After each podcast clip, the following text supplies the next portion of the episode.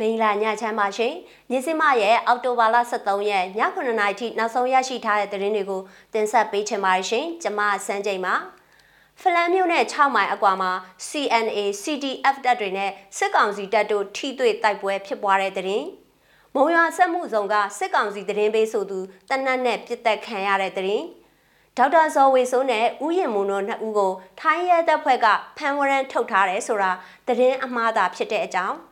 ဖိအားပေးခံနေရတဲ့တာလီဘန်ဟာထောက်ခံမှုရရှိရေးအတွက် EU အမေရိကန်ကိုယ်စားလှယ်တွေနဲ့တွေ့ဆုံတဲ့တဲ့။အစရှိတဲ့ပြည်တွင်းနဲ့နိုင်ငံတကာသတင်းတွေကိုတင်ဆက်ပေးပါရမယ်ရှင်။ဖလန်မြို့နယ်6မိုင်အကွာမှာ CNA CTF တပ်တွေနဲ့စစ်ကောင်စီတပ်တို့ထိတွေ့တိုက်ပွဲဖြစ်တဲ့တဲ့င်းနဲ့စချင်ပါတယ်။ ချင်းပြည်နယ်ဖလန်းမြို့နယ်6မိုင်အကွာမှာချင်းအမျိုးသားတပ်မတော် CNA နဲ့ချင်းပြည်သူ့ကာကွယ်ရေးတပ် CDF ပူးပေါင်းတပ်ဖွဲ့နဲ့စစ်ကောင်စီတပ်တွေဟာဒီနေ့အောက်တိုဘာ23ရက်နေ့လယ်ပိုင်းမှာစတင်ထိတွေ့တိုက်ပွဲဖြစ်ပွားနေတယ်လို့ CNA ရဲ့ပြောခွင့်ရသူတဦးစီကသိရပါဗျ။ဖလန်ကနေရီမြို့ကိုသွားတဲ့လမ်းလုံပီးရွာနဲ့ဟာခါမြို့ထွက်နီလွန်ရွာထိတွေ့တိုက်ပွဲဖြစ်ပွားနေတာဖြစ်ပါတယ်ရှင်။သူတို့စစ်ကြောင်းစထွက်လို့တိုက်ပွဲဖြစ်တာပါ။ ဖလန်လမ်းကြောင်းကနေရီမြို့ဘက်သွားမယ်အဲ့ဒီကနေမှထန်တလန်ဘက်ကိုလမ်းတစ်ကြောင်းနောက်တလန်းကဟာကားကနေထန်တလန်ဘက်ကိုလမ်းတစ်ကြောင်းအဲ့ဒီလမ်းကြောင်းနှစ်ကြောင်းနဲ့ကျွန်တော်တို့ဌာနချုပ်ကိုတိုက်လိုက်မယ်လို့ထင်တယ်လို့ CNA ပြောခွင့်ရသူစလိုင်းထက်နီကမြေစင်မကိုပြောပါတယ်စစ်ကောင်စီတပ်တွေဟာဟာခါဖလန်နဲ့တီးတိမ်မြို့တွေမှာလက်နက်ကြီးတွေတန်ကြပ်ကားကားတွေအပါအဝင်အင်အားအများပြားရောက်ရှိနေပြီဖြစ်တယ်လို့သိရပါဗျ မတူပီမြို့ဘက်ကိုခြိတက်ဖို့မြေပြိုရာတွေကိုရှင်းလင်းပြီးလမ်းဖောက်လုပ်ဖို့လဲစစ်ကောင်စီကဆောင်ရွက်နေတယ်လို့သူကပြောပါတယ်ရှင်။မုံရွာမြို့ကတရင်နဲ့ဆက်ချင်ပါတယ်။စကိုင်းတိုင်းဒေသကြီးမုံရွာမြို့မုံရွာဆက်မှုဆောင်ကအကြမ်းဖက်စစ်ကောင်စီတရင်ပေးဆိုသူကိုအောင်စီဟာဒီကနေ့အောက်တိုဘာလ23ရက်မနက်ပိုင်းကတနက်နဲ့ပြစ်တက်ခံလိုက်ရတယ်လို့ဒေသခံတွေစီကနေသိရပါဗျ။ ဒီနေ့မနက်10:43မိနစ်ချိန်မှာမုံရွာဆက်မှုဆောင်ကအကျန်းဖက်စစ်ကောင်စီတရင်ပေးဒလန်အကြီးစားဖြစ်တဲ့ကောင်းရှန်ကွန်းရဆိုင်ပိုင်ရှင်အောင်စီကိုကျွန်တော်တို့ကဘုံမိုးကျိုးနဲ့အဖွဲ့သားတွေကတနက်နဲ့၅ချက်ပစ်ပြီးတုတ်တင်ရှင်းလင်းခဲ့ပါတယ်လို့ Sort မုံရွာ PDF ကတာဝန်ရှိသူတို့ကပြောပါတယ်။ တနက်နဲ့ပြစ်ခတ်ခံရမှုကြောင့်ကိုအောင်စီဟာတနက်ဒဏ်ရာ၅ချက်ရရှိပြီးနေရာမှာပဲတေဆုံးသွားတယ်လို့သိရပြီးပြစ်ခတ်မှုဖြစ်ပွားပြီးတဲ့နောက်မှာအကြမ်းဖက်စစ်ကောင်စီတပ်ဖွဲ့ဝင်တွေကလာရောက်စစ်ဆေးမှုတွေပြုလုပ်ခဲ့တယ်လို့သိရပါဗျ။ စကိုင်းတိုင်းဒေသကြီးမုံရွာမှာဒေသခံပြည်သူ့ကာကွယ်ရေးတပ်ဖွဲ့ခုနှစ်ဖွဲ့ဟာမဟာမိတ်ဖြစ်ပူးပေါင်းပြီးကျစ်လက်တဲ့အင်အားနဲ့မုံရွာမြို့ပေါ်မှာရှိတဲ့စစ်ကောင်စီရဲ့လက်ပါစီတွေကိုမြို့ပြပျောက်ကြားအဖွဲ့အနေနဲ့တုတ်တင်ရှင်းလင်းမှာဖြစ်တယ်လို့လဲ Sot မုံရွာ PDF ကအောက်တိုဘာလ12ရက်နေ့မှာသတင်းထုတ်ပြန်ထားပါတယ်ရှင်။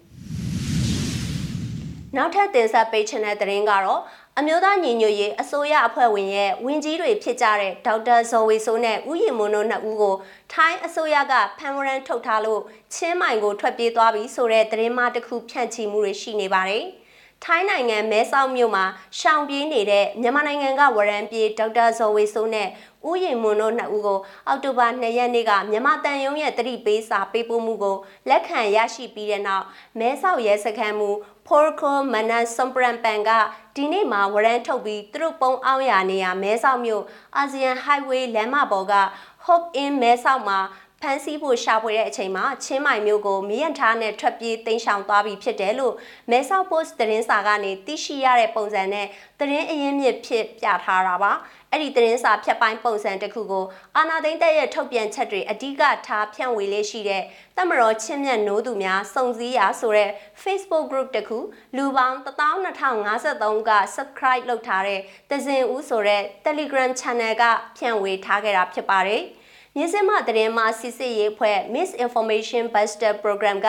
အချက်လက်တွေတိုက်ဆိုင်စစ်ဆေးမှုပြုလုပ်ရမှာမဲဆောက်ရဲစခန်းမူ Porcron Manan Sompran Pan ဟာ2018ခုနှစ်အောက်တိုဘာလကလေးကဘန်ကောက်ကိုရွှေ့ပြောင်းတာဝန်ချခံထားရတာကိုမှတ်တမ်းတွေမှာတွေ့ရပါတယ်။မဲဆောက်နဲ့ချင်းမှာယထာပြေးဆွဲဖို့အတွက်ယထာလန်လည်းမရှိပြန်ပါဘူး။ NUG ရဲ့ကျန်းမာရေးဝန်ကြီးဒေါက်တာဇော်ဝေဆိုးနဲ့ကာကွယ်ရေးဝန်ကြီးဦးရီမွန်တို့ဖန်နီးနဲ့မှယထာနဲ့ခီးသွားလို့ရမှာမဟုတ်ပါဘူး။ဒါအပြင်မဲဆောက် post သတင်းဌာနဆိုတာလည်းမရှိဘူးလို့သိရပါတယ်။ဒါကြောင့်မဲဆောက်ကနေချင်းမိုင်ကိုတင်းရှောင်နေတဲ့ဒေါက်တာဇော်ဝေဆိုးနဲ့ဦးရီမွန်တို့နှစ်ဦးကိုထိုင်းရဲတပ်ဖွဲ့ကအကြမ်းဖက်မှုနဲ့ဖမ်းဝရမ်းထုတ်တယ်ဆိုတာဟာလောက်ကျန်ဖန်တီးထားတဲ့သတင်းမှသာဖြစ်ကြောင်းထုတ်ပြန်လိုက်ရပါတယ်ရှင်။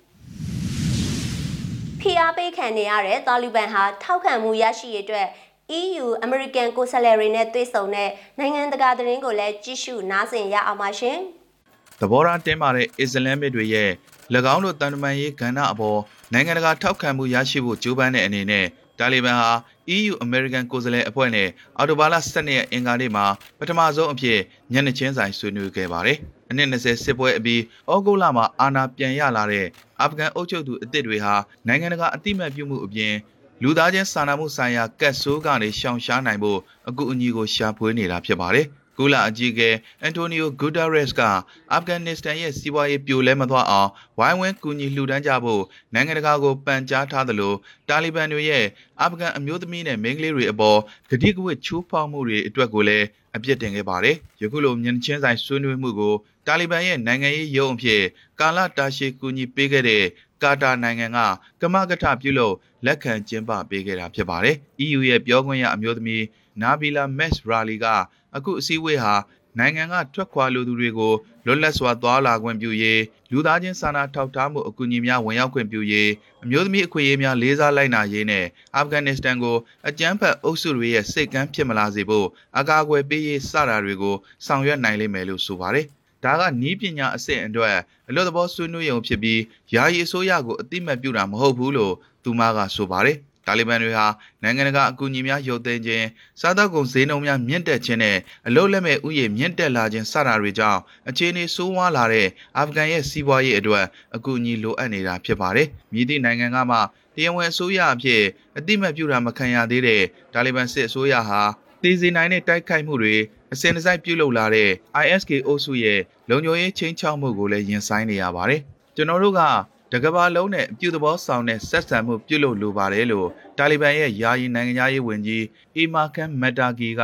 ဆွေးနွေးပွဲမစမီအစောပိုင်းကကာတာမှာပြောကြားခဲ့ပါတယ်။ တရားမျှတတဲ့နိုင်ငံတကာဆက်ဆံရေးကိုကျွန်တော်တို့ယုံကြည်ပါတယ်။အဲ့ဒီဆက်ဆံရေးကပဲအာဖဂန်နစ္စတန်ကိုမတည်ငြိမ်တဲ့အခြေအနေကကယ်တင်နိုင်မှာပါလို့အမေရိကန်ထွက်သွားပြီးတဲ့နောက်ပိုင်းပထမဆုံးအဖြစ်ထိပ်တန်းအမေရိကန်အရာရှိတွေနဲ့ဆွေးနွေးပွဲမှာ